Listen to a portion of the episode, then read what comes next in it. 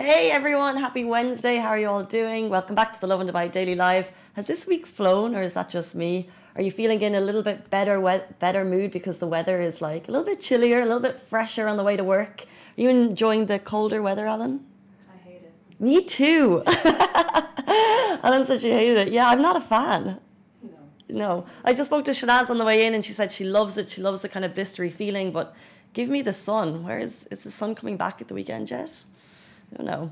We're going to be talking about a couple of school stories and also about the Arsenal players that have landed in Dubai. But I kind of want to go straight into this first story because it's a story that came to our attention on Twitter because people tagged Lovin Dubai in the story because they wanted to know if it was being shared. A video of a heartbreaking bullying incident at Dubai at a Dubai private school has gone viral. Now we we have the video here beside us. It's been blurred to uh, hold off the identities of the people in the video and also the school. Um, but if you see it it's really it's a difficult watch. It's difficult for parents to watch. It's difficult for students. It's difficult for anyone. It can bring back memories or it could just kind of invoke a sense of injustice i think. Um, what's happening is a bully is threatening a student and then she even goes on to say if you tell anybody uh, what happens here um, I will get really mad. And then she also kind of pulls the girl hair. And if you saw the unblurred version, you can see that the girl is really, really distressed. She wants to get out of the situation. She even says she wants to go home. She's in tears. It's it's really difficult to watch, and you really, really feel for the uh, the girl in the video. Uh, the school have come out. Um, so first of all, it went on Twitter. It was actually shared by a student who wanted to get the attention of the KHDA. So uh, it was shared by a student. The KHDA uh, responded immediately. They said it's unacceptable, and the school have also come out with a statement saying we are aware of the incident, confirmed that the appropriate action has already been taken. Uh, which in fact we've heard that um, two students have been uh, asked to leave the school or they're leaving the school, and also there's been some suspensions. The school goes on to say uh, the school acted promptly to investigate and resolve the issue, and we will continue to prioritise the safety, security, and well-being of our students. So we shared this video um, onto our Instagram. A lot of people are just, the one comment was just, my blood is boiling watching it because um, these stories don't really get shared. Alan, did you see the video? You're seeing it now? I did. I did. Unfortunately, yesterday. Uh huh. Yeah, it went kind of viral yesterday. Guys, let me know if you've seen it. What are your thoughts? Alan, do you have any thoughts on it? I don't want to start Yeah, because I'm not going to finish. basically. Yeah. There's um, one comment. I think basically it's it's it's great to kind of open the conversation though. Um, this is something we were talking about before the show, because bullying can happen in a lot of schools. To be honest, I worked as a teacher um, before I came here, but I was working in the KG department, and I thought maybe this was a uh, goggle-eyed impression. I thought that bullying here was less kind of uh, less less less than it was in Ireland where I grew up. I thought it was kind of um, I thought the kids were more open. Alan is kind of shaking her head because she grew up in a school here. I think it depends, but one comment that really stood out to me. Um, that it can go, it can lead back to the parents because uh, you know schools can do so much. Um, a student can be expelled, but is that the answer? I'm not sure if expulsion is the answer, um, but it can go back to uh, the parents themselves. So one comment that stood out to me was a woman said, "So mindful parenting is very uh, important. Kids are mirrors to reflect," and just really regret seeing that video. Um, she also said, "It's not only the schools; the seeds of bullying come from the family," which I thought was really strong and important. So what happens in schools? Um, by students may be reflective. And obviously, you can't blame these students. This is another thing. So, we're seeing a girl being bullied, which is heartbreaking, despicable, something no one wants to see. And then also on the other side of it, the bully. Where does that negative energy come from? That's also a question. And I think it's. Uh, it's really sad, but also, like we said, good that the conversation comes up because now um, the school are aware of it, and also it will make, I think, hopefully, this conversation will make schools look inwardly and look because this this only came to light because of a tweet that went viral. So it was a small classroom situation. There was no other. There was I think um, maybe four or five, judging from the video, in the room, and it only came because the video went viral. But maybe with this video uh, being shared, a tiny light from the girl that's um, that was bullied is that hopefully. Uh, more conversations about bullying will happen and we'll see less of it in schools um, in the UAE. I'm just going on to our comments. Yes, here. Good morning. Thank you for tuning into the show. Um, also, yeah, apologies for the video. It's just kind of hard to watch, I think. Yeah. Moving on to our next story, it's also uh, school related, but in this one, I think we're going to have a lot of students a little bit happier. This, uh, this was announced yesterday by the Ministry uh, of Education in the UAE that all homework for public run schools, so government schools in Dubai and Abu Dhabi, is going to be scrapped, which is very cool. So there's 256 Abu Dhabi schools in Abu Dhabi and Dubai run by the government, and they're going to scrap homework.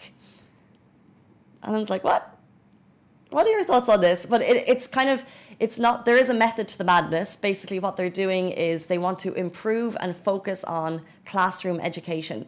So the time spent in the classroom, they want students to be enjoying it. So one of those methods, I think, is if you remove homework, maybe they will, let's say, for example, if you hate math and you have to go home every day and do math, are you going to come in the next day with renewed enthusiasm? No you'll be less enthusiastic about the subject. So that's one thing. Along with that, they're kind of changing up the classroom system. So they're going to uh, merge subjects. They're also going to give, let's say, for example, I think the length of the lessons will be lengthened or will be lengthened to 90 minutes. However, they're also going to include practical activities within the, within the classroom. So it's not just going to be pen to paper learning. There'll be four, 50 minutes of that and then 40 minutes of putting it to practical use. Now, I don't have examples of this, but I know that play based learning in kindergarten, where I was teaching, was very, very important. So it's not just learning things off, it's actually using your mind, uh, questioning things. So bringing that into the government run schools is really good.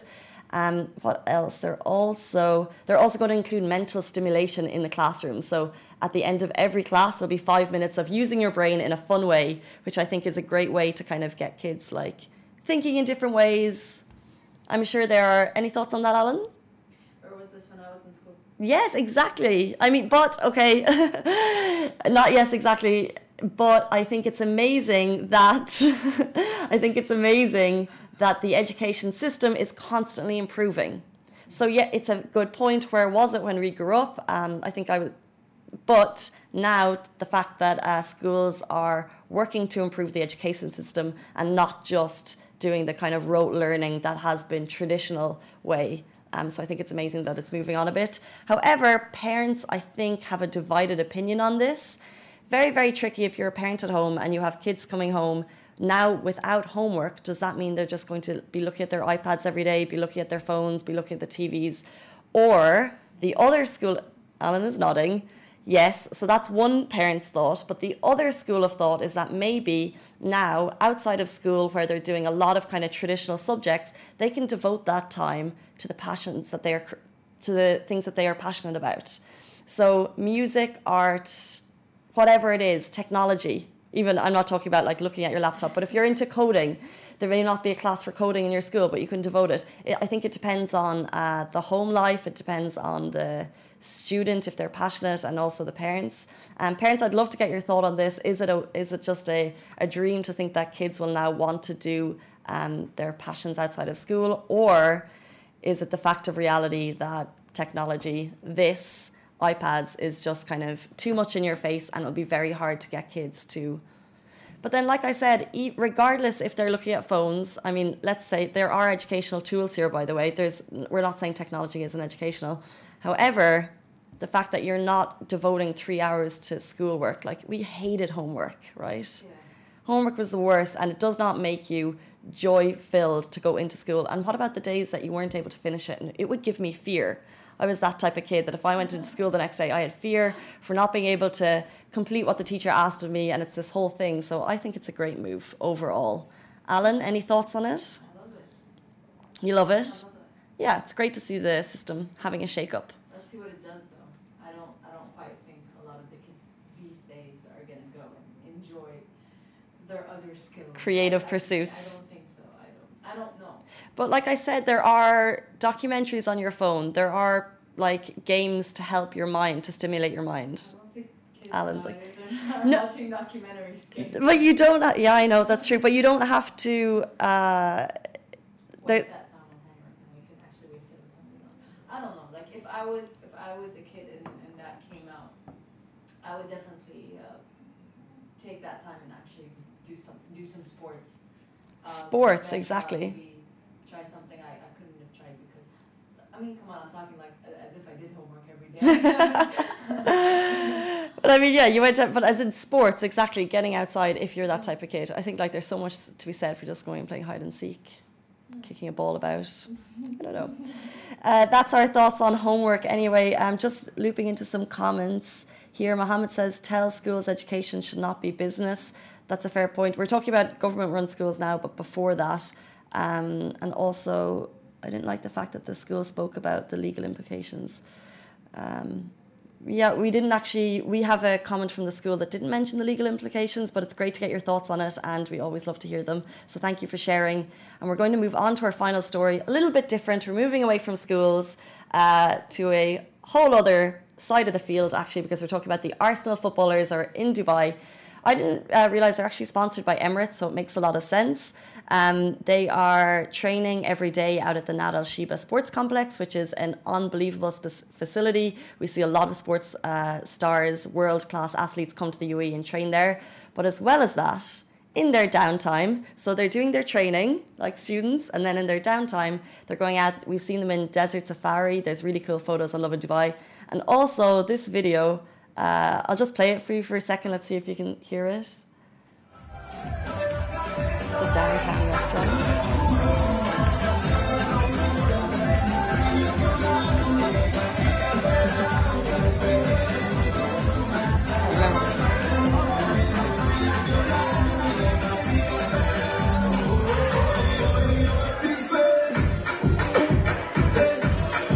I wish you could see Alan right now.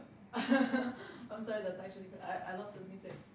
So that was the Arsenal players at a downtown restaurant having the time of their lives. Um, however, I should say that in the comments that went onto our Lovin Dubai Instagram when we posted that, people are throwing a lot of shade because they are 10th in the league. Um, and then someone said they can't win a game, but they at least they have sparklers.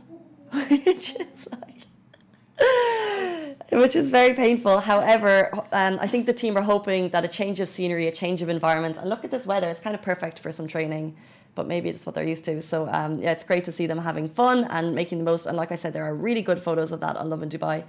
Um, just before I sign off, someone just commented on the live saying that the uh, the bullying is a sad reality.